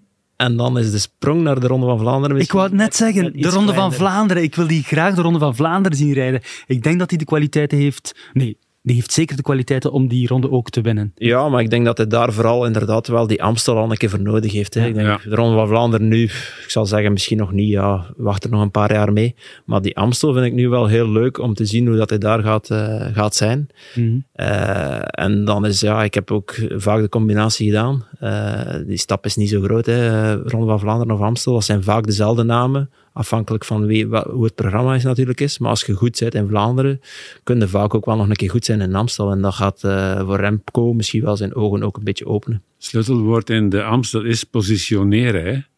draaien en keren en op al die bergjes boven komen en blak in de wind. Ja. En daar dan iedere keer positie kiezen. Want het draait en een keer naar alle kanten uit. Het is alsof die wind voortdurend verandert. Als je dat onder de knie krijgt, dan kan het zijn dat je klaar bent voor Vlaanderen. Gaat Evenepoel het weer moeten doen voor eh, de ploeg dit voorjaar? Oh, ehm, ik stel vast dat uh, ex-Belgisch kampioen Tim Merlier er al twee op zak heeft. Mhm. En dat eh, Paul Magnier, 18 jaar jong, er ook al eentje op zak heeft. Ik heb het over de klassiekers natuurlijk. Ja, ik weet het. Ik weet het. Dat wordt een ander Parmawa. En daar vrees ik een beetje voor. Voor onze klassiekers, hè, dus de Vlaamse klassiekers. Ja. Daar zullen ze moeten rekenen op een heropstanding, dat is niet makkelijk, van Alaphilippe. En op het gegeven dat Asgreen dan mogelijk dan nog eens een keertje eh, die top kan halen die hij een paar keer gehaald heeft in de ronde. Mhm. Het zijn wel twee jongens, Asgreen en Alaphilippe, die einde contract zijn dit jaar. Dus vergroot dat de druk? Voel je dat als renner? Van, wow, ik moet mij hier toch wel eh, extra bewijzen, want eh, mijn contract loopt een einde. Goh, mijn contracten bekijk ik zelf, als ik op mezelf mag reflecteren, nooit niet echt bij geweest. Het is gewoon de ambitie van de renner zelf, denk ik. En dat gaat bij die man het geval zijn. Alaphilippe wil bewijzen dat hij nog mee kan met de nieuwe generatie. Eh, vond ik wel al heel goed in Down Under. Eh, het is toch wel heel vroeg, maar hij kon er wel al mee. Ik had zo'n indruk dat hij op eh, een bepaald moment de, de aankomst een beetje verkeerd inschatte. Maar ik denk dat hij daar toch wel al, al vrij goed was. En dat gaat alleen maar vertrouwen geven. En dan is er inderdaad nog een sterke Asgreen, Lampaard, die toch wel eh allee, van degelijke kwaliteit is. Dus ja, ik denk dat het is niet de topploeg, eh, zoals we ze vroeger kenden natuurlijk in Vlaanderen. Dat was echt de leidraad. Terwijl dat ze nu een beetje op de achtergrond zijn. Maar ik, ja, ik verwacht er toch wel iets van, ja. Wat ik mij wel afvraag, Michel. Er is wel het een en ander gebeurd. Hè? Vorig jaar heel veel spanning ook. Evenepoel die weg leek te willen. Zijn die plooien gladgestreken? Wordt er snel vergeten in het peloton, in de ploeg? Want ja, je, kan niet, je kan er niet omheen dat er toch wel heel veel spanning op zat. Het is in elk geval wat eh, Patrick Lefevre nogal brutaal eist. Wie zich eh, niet eh, kan plooien naar de directieven en wie de gebeurtenissen niet mentaal kan overwinnen, ja, die kan gaan. Mhm. Ik weet niet of dat de juiste instelling is naar een ploeg die een goede twee maanden geleden nog op apengapen lag. Waarin Lefevre zelf eh, voor ehm, de eindafrekening ging. Met andere woorden, de sommen ging pakken en eventueel nog wat uitbollen als supervisor. En waarbij misschien één, nee, drie, vier jongens de sprong zouden gemaakt hebben naar eh, Visma Leasebike. En de rest dan, Ja. hè, die hebben liggen spartelen, hè, die hebben wakker gelegen. Hè. ja, Yves Lampaard bijvoorbeeld. Ik denk dat hij wel wakker heeft gelegen. En in de, op de vooravond van de Ronde van Lombardij zijn harde woorden gevallen. Hè. Zeker weten. Je maakt me niet wijs dat dat volledig weg is. Hm. Nee, zeker niet. Dat kan ook niet weg zijn. Hè. Dat blijft hangen. Hè. Zoiets. eh, op een bepaald moment ja, was iedereen onzeker. En dan kun je niet van, eh, van verwachten dat iedereen opstaat en eh, terug op, eh, op een lijn gaat beginnen staan en eh, iedereen meewerkt. Maar gaat dat ja, toch zijn effect hebben dit seizoen? Gaan renners zich dan net iets minder inzetten voor hun kopman, voor Remco Evenepoel? Of mogen we het niet op die manier trekken? Mogen we niet op die manier denken? Want elke renner heeft er natuurlijk wel belang bij dat hij goed scoort, dat Ja, hij ja. goed rijdt. Ja, ik denk, allee, die structuur staat er wel, hè, maar ik denk dat alles weer komt met resultaten. Als, eh, als die resultaten goed lopen, dan begint iedereen terug te bouwen, begint iedereen terug eh, erin te geloven. Eh, als die resultaten natuurlijk eh, even gaan uitblijven, dan wordt het wel weer een moeilijke zaak, want dan ontstaat er weer twijfel. Ja. Maar ik denk dat vooral Remco daar ook weer een belangrijke schakel zal zijn. Die winning moet, hè. Eh, die niet, niet alleen creëren, maar ook vasthouden. Ja. Ehm, Zeker als de basis niet zo heel goed zit, als het wat fragiel is. Een ander bl- eh, wat bleker punt is dat uh, Evenepoel toch al uh, uitvoerig, en zeker vader Evenepoel, te kennen gegeven heeft dat elders meer te rapen valt.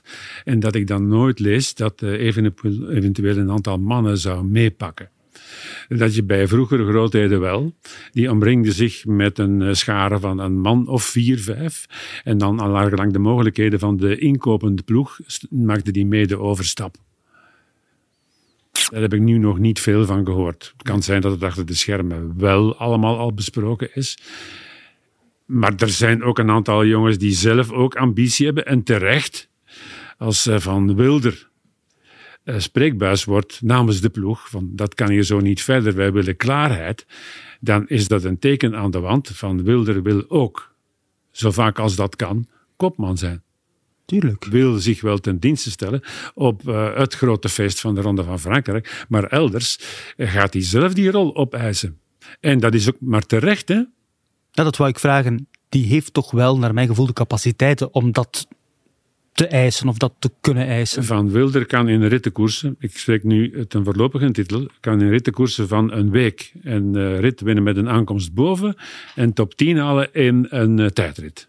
Dan ben je in staat om zo'n rittenkoers te winnen. Wat hij ook al gedaan heeft. Mm -hmm. Ja, zeker. Ja. Het is, allee, vroeger had het bij de jeugd gehad Remco die ervoor reed. En de, die dat tweede voor de meest, uh, meet kwam was meestal uh, Van Wilder. Dat, allee, dat is, dat is een, zelf een heel groot talent ook. En is ook heel mooie progressie aan het maken. Maar ik denk dat in die ploeg ook wel de ruimte is hè, om, uh, om, om dat te doen. Uh, het zijn veel wedstrijden op een jaar, de kalender is heel groot. Mm. Dus het ene sluit het andere niet uit, denk ik, op deze moment. Maar we hebben het over, over de sfeer.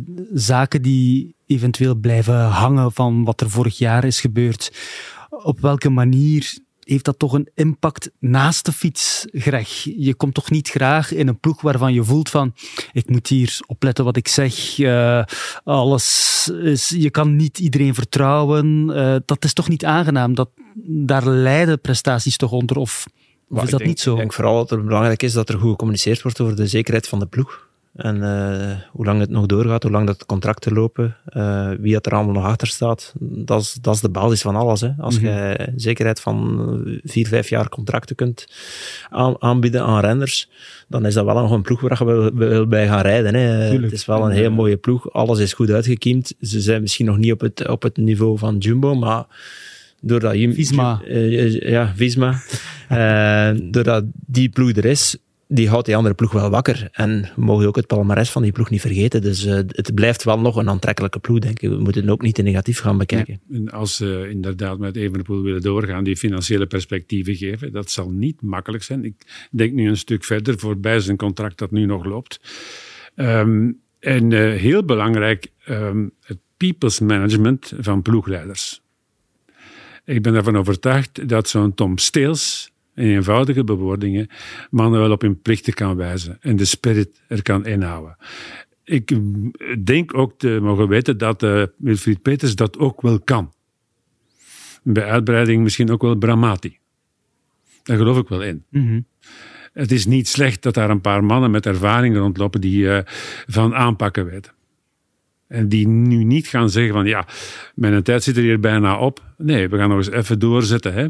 Mm. om die ploeg uh, zo hoog mogelijk te houden. Goed, ik wil nog een paar andere renners uitlichten. Wat mogen we van Arno de Lie verwachten, Greg? Heel veel, denk ik. Hè. Uh, wat hij al bewezen heeft, ook de vorige jaren. Vooral allee, de sprint in Quebec uh, zit bij iedereen in het geheugen.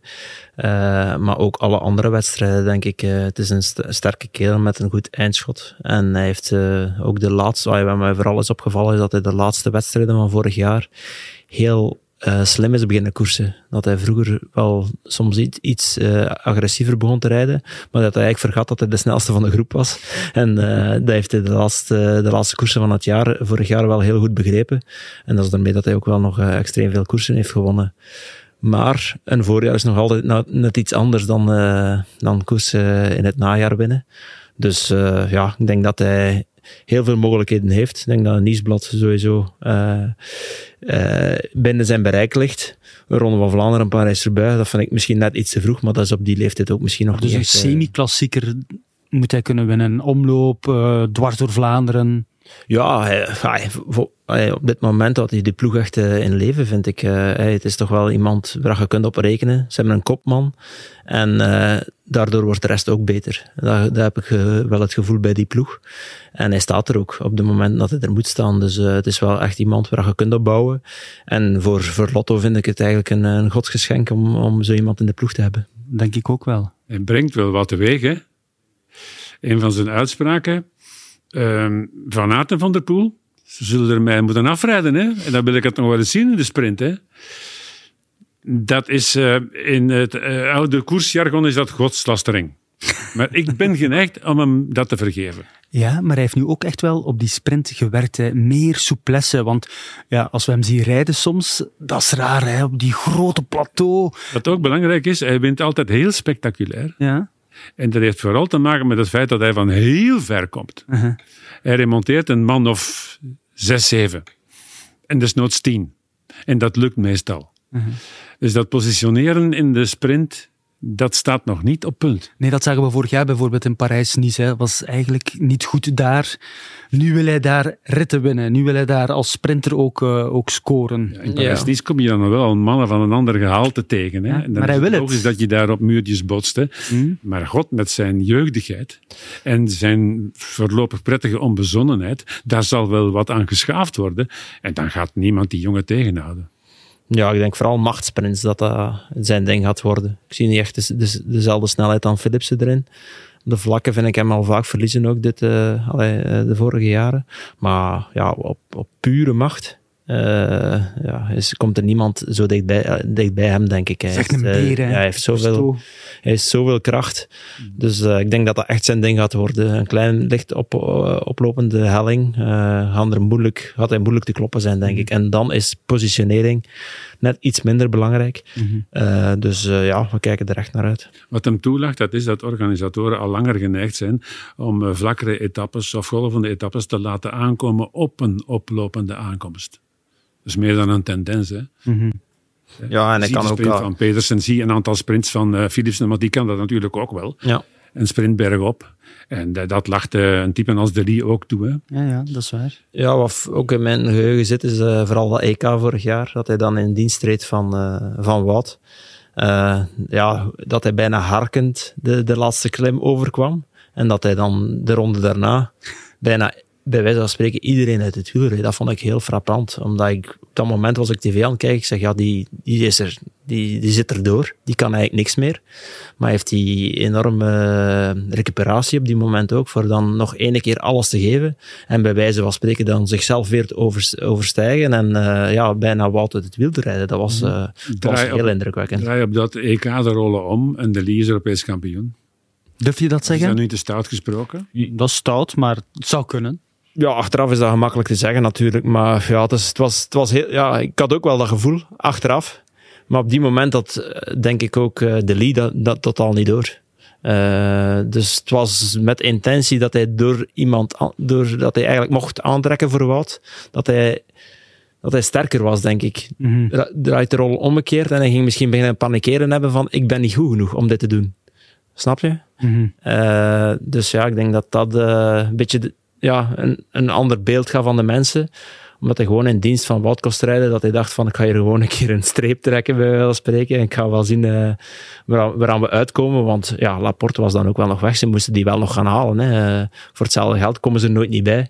Nee. Eh, ze zijn er eigenlijk nooit niet... Ze zijn er wel bij geraakt, maar nooit niet over. Maar ik, vond dat wel een, ja, ik vond dat wel een heel mooi mo- wielermoment. En toch zeker andersom. En De Lee wordt Europese kampioen. Eh, ik refereer naar 1973, het wereldkampioenschap. Als Merckx dat de sprint aantrekt voor Freddy Maartens, is Maartens altijd wereldkampioen. Altijd. Maar toen waren jullie nog bitter jong. Was ik eh, waarschijnlijk Nog niet geboren. nog niet geboren, denk ik, ja.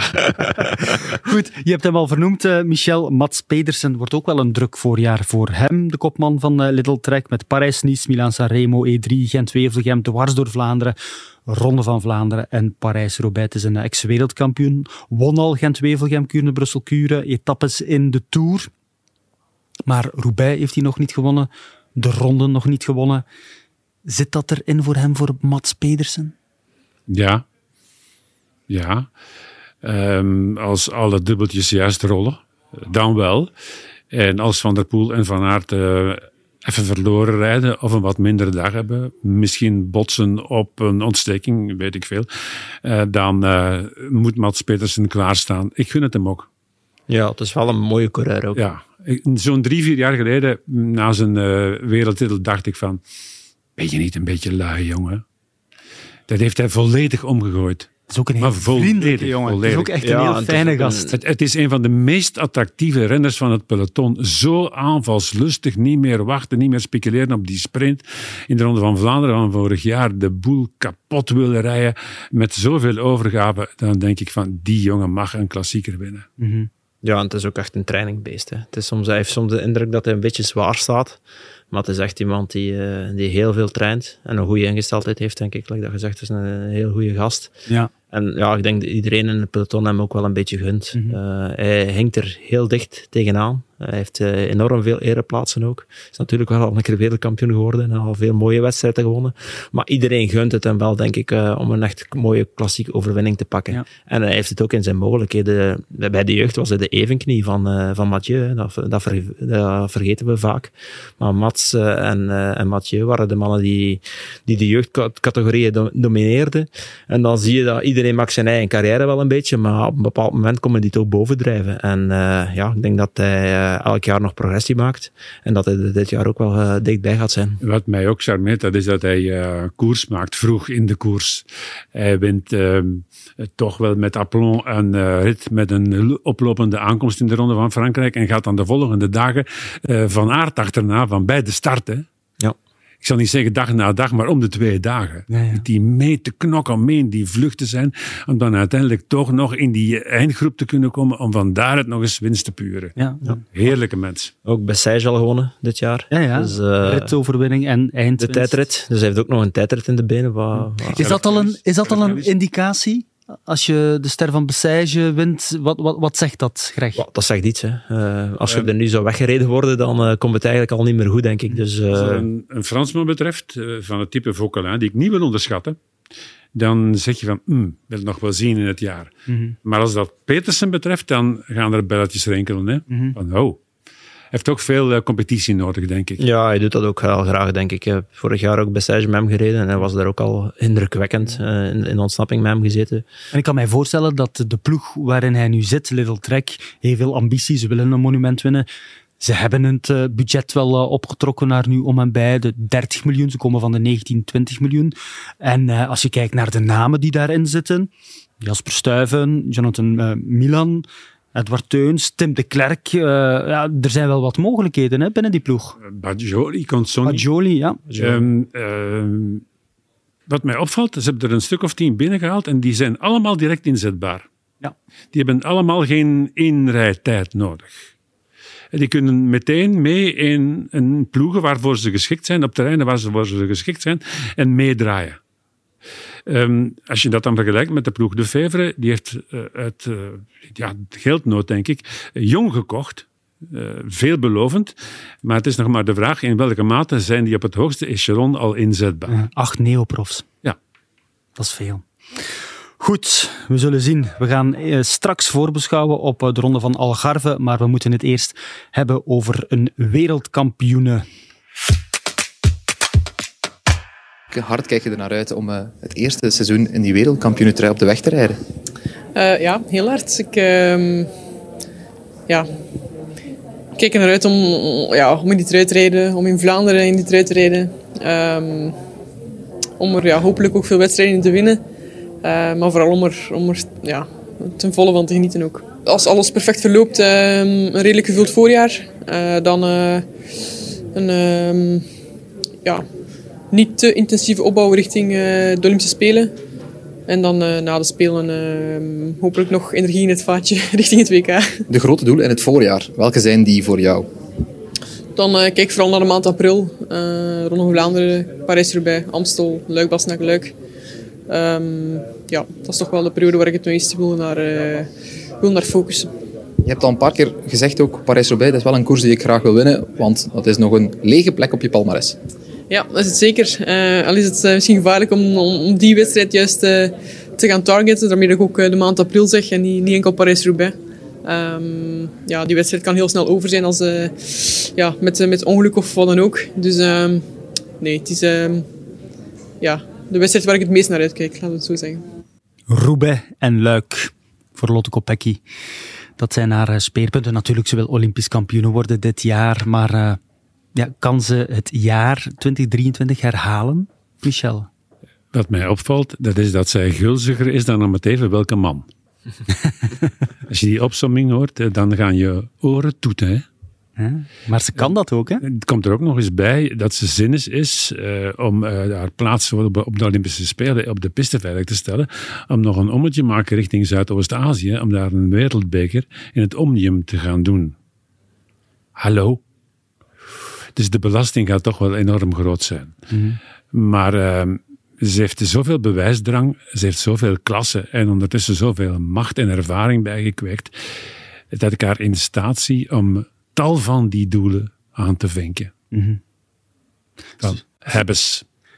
Wat zou jij doen, Greg, als Olympisch kampioen? Ehm Roubaix en Luik winnen of toch één Olympische titel? Ja, Olympische titel zou ik toch wel zeggen. Ik denk eh, ja, dat het ook wel de moment is voor haar om, eh, om, om hem te winnen. Maar die keuze gaat ze spijtig nog niet krijgen. Hè. Eh, maar ik denk dat ze vooral inderdaad een enorme waaier heeft aan mogelijkheden. Tot eh, net het hooggebergte. Dat is het enige, denk ik, dat, dat ze op haar limieten gaat, eh, gaat komen. Maar al de rest eronder eh, kan ze. Heeft ook Strade Bianchi gewonnen, wat een heel lastige koers is. Tegen lichtgewichten. Met haar punch. Ik heb eigenlijk nog weinig vrouwen gezien die zoveel kracht op een fiets uitstralen. En ja, ik denk dat die mogelijkheden bij, mogelijkheden bij haar eigenlijk eh, onbeperkt zijn. En eh, ja, ze, heeft, ze kan alles aan. Als, ze, als vorig jaar de, die vlucht niet voorblijft in Parijs-Roubaix, wint ze ook Parijs-Roubaix. hè. Dus eh, ja, de, Ze was daar heus niet zo heel ver weg van winst. Hè. In het buitenrijden van hem naar die laatste kasseistrook heb je dat stuk vals plat, waar Longo Borghini een tegenaanval plaatst en tot op 7, 8 seconden van dat kopgroepje komt. En met uh, Kopecky in het wiel. Ja. En Kopecky kiest om te blijven zitten. Mhm. Als ze daar doortrekt, vanuit het zog van eh, Longo Borghini, dan ben ik ervan overtuigd dat ze Parijs-Roubaix wint. ja. Dus dat ligt zeker in haar mogelijkheden. Maar wat mij geweldig charmeert is dat zij zegt van, nu andermaal, lag Bastenaken Luik, hè? Ja. Waarom niet, hè? Eh, dan eh, zal ze stoten op Vollering. Ik wou net zeggen, En die zit in haar eigen ploeg. die interne concurrentie, dat blijft toch een moeilijk verhaal toch voor eh, SD Works? Wereldranking, Vollering, 1, Kopecky, 2, Wiebes, Reusser. 4. ja. Zelfde ploeg. I know. Ik zeg er al bij, wereldkampioenschappen straks in Zwitserland. Reusser is een Zwitserse. Hè? Vollering die eh, al zo laat ontsnappen, zou toch wel eens graag de Ronde van Vlaanderen winnen. En eh Kopecky die zegt van, ah, doe mij maar eens een keertje Luik Bastenaken Luik. Maar is het zo simpel? Nee, het is zo simpel niet. Nee, het is niet zo simpel, maar het is een beetje spijtig eh, dat kwaliteit alles in, eigenlijk bijna allemaal in één ploeg zit. Er zijn nog natuurlijk nog andere goede ren, rensters, maar het is wel een beetje spijtig dat alle toppers een beetje samen zitten. En dat is op niet dit echt moment tegen in het vrouwenwielrennen het geval. Hè. Ja. Ja. Hm. Ja. En het is wat jammer dat de tegenstand niet echt over winnaarstypes beschikt. Nee. Lippert heeft wel een goed eindschot. Ehm Kool, maar dat is dan eerder het type voor, eh, voor, de, voor de massasprints. Er zijn er nog wel een paar die mee kunnen doen voor winst, maar niet aan dat hoge ritme en niet in die eh, hoger gekwalificeerde wedstrijden zoals die van SD Works dat doen. Aan de lopende band bijna. Als daar de eenheid gesmeed blijft, dan gaan die dat blijven doen, domineren. Domineren. Woensdag begint de ronde van Algarve. Dat wordt toch een, eh, meteen een zeer interessante ronde om te volgen. Dat zeg ik niet omdat eh, we bij HLN deze koers uitzenden. Ik zeg dat vooral omdat het deelnemersveld er echt eh, niet naast is. Aan de start Remco Evenepoel, Wout van Aert, Mika Landa, Pitcock, Ghana, Geraint Thomas, Almeida, Gegenhardt, Sepp Koes, Stratnik. En ga zo maar even door. Ja, dat is er niet naast, hè, Greg. Dus dat wordt wel interessant. Je hebt eh, Algarve ook eh, gereden in jouw carrière. Wat zegt die koers al? Hoe moeilijk is die koers? Wow, dat is een vrij basis eigenlijk rond mijn tijdrit in. Eh, twee aankomsten bergop, denk ik. Het Monchique en het Malau. Wat eh, twee mooie beklimmingen zijn. Dus dan twee sprinters zitten. Dus dat is eigenlijk ja, een beetje normaal opgebouwd. Wat zegt dat? Als je dat wint, zit wel in orde. Eh, maar het is een beetje frappant natuurlijk, uh, omdat uh, vooral voor je gestoffeerd deelnemersveld nog zo te vinden. Want iedereen begint te kiezen, vaak veel hoogtestages. En dan is het vaak nog moeilijk om in het voorjaar echt zo'n sterk deelnemersveld te vinden. Dus ja, ik denk dat het parcours op zich niet zo speciaal gaat zijn, maar wel de concurrentie on onderling. Dat maar heel, hoe komt dat dat ze zo een sterk deelnemersveld kunnen hebben daar in de Algarve? Wat, wat, wat is daar zo aantrekkelijk aan om daar te starten? Goh, ik denk dat dat een klein beetje geluk is ook op dit moment. Dat iedereen toch wel graag nog een keer wat die kilometers eh, in zijn benen heeft, die wedstrijdkilometers, en zichzelf al een keer wil testen van waar sta ik nu achter de winter. Wat, ik ook altijd heel, eh, heel belangrijk vond. Uh, en ja, het is natuurlijk wel een heel leuk klimaat om, om te gaan fietsen. Het is niet zo ver van huis, meestal in de zon. en je hebt er wel één specifieke tijdrit, wat ook altijd heel belangrijk is voor veel uh, specialisten, zeker in het rondewerk, mm. om dan nieuw materiaal een keer te testen. Hoe ver kan ik, zit ik in mijn wattages? Waar, waar kan ik nog verbeteren? Dus die, die, die tijdrit van 23 kilometer, denk ik. 22,2. Ja, dat is ook altijd wel ja, een belangrijke test. Mm. Uh, dus dat, dat zijn zo wel de ingrediënten, denk ik, waarom dat iedereen, uh, iedereen naar daar komt. Mm. Ik vind het wel interessant, die tijdrit. Wout van Aert, Remco Evenepoel. Ze zijn er allebei maniacaal mee bezig, toch wel. Dat gaat in gevoel misschien toch al interessant zijn voor hen ook, hè? Ik wil vooral weten hoe ver die mannen staan. Ja. Want we weten eigenlijk niks, hè? Niets. We weten af en toe wel wat van datgene wat we opvangen, of wat we lezen op uh, apps, hoe het staat met hun trainingen en hoe prettig ze het allemaal wel vinden. Maar uiteindelijk weten we niks. En dat gaat daar dan uh, blijken. En wat? daar ben ik uitermate nieuwsgierig om. Hm, wat gaan we daar al uit kunnen afleiden uit de Algarve voor de rest van het voorjaar? Of valt dat nogal mee? Wat er eventueel nog uh, moet bijgeschaafd worden. Niks is daar al absoluut. Maar spreekt voor zich dat als daar prestaties gaan neergezet worden die indruk maken, dat je dan een stuk geruster leeft. Niet mm. alleen als supporter, maar vooral als betrokkenen zelf. Ja, want de week daarna is er natuurlijk het openingsweekend hier bij ons. Hè? Dus dat gevoel moet toch wel goed zitten. Wout van Aert zijn er dan, hè? Als je even de pool heet, dan wil je het ook van jezelf. Hè? Onderschat dat niet, hè? Dat is niet zomaar instappen met de gedachte van, ik zal dat hier maar een keertje laten lopen. Dat is niet Evenepoel. Dat is ook niet dat hele verwachtingspatroon rond Evenepoel. Dat is hopen, nee, willen om meteen te scoren. Mm -hmm. Ja, het is dat. Uh, op, op, op, training kun je wel een keer testen. Ik heb ook gezien dat de achterkant van de rad uh, een kommetje heeft gepakt. Op ja. de dag van vandaag is Strava ook al heel belangrijk. Maar dan, dan, dan zie je toch wel, dat is een keer uit de losse pols bij wijze van spreken, dat hij uh, daar de snelste tijd neerzet, waar waarschijnlijk 15.000 wielrenners al een keer gepasseerd zijn. Dat is niet niks. Dus dan weet je wel, dat is al een kleine indicatie dat het, dat het vrij goed zit. Maar je wilt dat toch altijd nog wel een beetje bevestigd zien in de wedstrijd. En bij Wout is dat een beetje hetzelfde. In Benidorm zag je ook wel dat de, de lijn al stijgend is. En als ik dan hem een beetje beetje vol hoeveel uren dat hij nu er nog bij getraind heeft, ja, dan, ja, dan verwacht je eigenlijk dat die jongens al op niveau gaan zijn. Hè. Dat zou een beetje eigenaardig zijn, dat moest hij nog niet op niveau zijn. Mm -hmm. Dus uh, ja, we kijken er, uh, we kijken er naar uit. Mm -hmm. Michel, wie wint Algarve? We zijn chauvinistisch, maar anderzijds ook realistisch. Even een poel, hè? Denk je dat ook graag? Je gaat toch niet, toch niet laten afdrogen door een 38-jarige Thomas? Nee, ja, Thomas Almeida, ja. Dat is een klant. Dat is misschien nog een die er thuis, bij gaat komen. Dus ja, we zullen een beetje... Ja, iedereen zegt Remco, maar ja, er zijn nog, er zijn nog wel uh, een aantal andere mannen aan de start. -hmm. En Almeida rijdt de Tour, hè? Almeida en is dus afgestapt van dat dogma. Almeida nooit samen met Pogacar. Almeida en Ayuso rijden straks naast Pogacar de Tour. Dreamteam. Michel, ik ga jou een opdracht meegeven. Binnenkort kan je met de gouden klassiekers van HLN opnieuw een voorjaarsploeg samenstellen. Wil je die uh, tegen volgende week eens maken voor uh, deze podcast? Ik heb het begrepen, ja. je doet dat niet graag, hè? Um, ik heb er nog nooit mee gescoord. Nee. Dus ik zeg nu al tegen de mensen uh, die ook meedoen: um, kopieer mijn team niet. Ja, dat is moeilijk, hè? Als kenner en dan niet scoren. Ja, ja, ja, ja, ja, maar doe het toch maar, uh, Michel, tegen volgende week. wat je kan overkomen, dat is dat je een ploeg opstelt waarvan er dan achteraf, uh, als het seizoen al echt start, uh, twee uitgevallen zijn. of in de tourploeg uh, niet van start gaan. Mm Goed, ja, dat is huiswerk maken. Hè. Vooral goed huiswerk maken voor te zien wie er allemaal mee mag en uh, welke programma's dat ze allemaal rijden, want dat is ook wel vaak nu het geval. Maar ik ga er ook altijd van uit, goed, mijn ploeg staat er nu, ik doe geen wissels. Nou ja. ja. Maar zo werkt het niet, hè, Michel? Nee, ik weet het. Je moet ermee bezig zijn. Hè.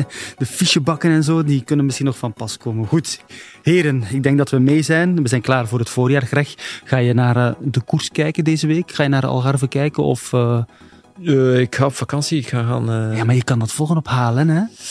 Ik zal proberen te volgen, ja. Nee, maar ik ga wel met een, een scheef over een keer kijken naar de uitslagen, dat zeker, ja. Oké. Okay. Michel? Aarzel niet, hè?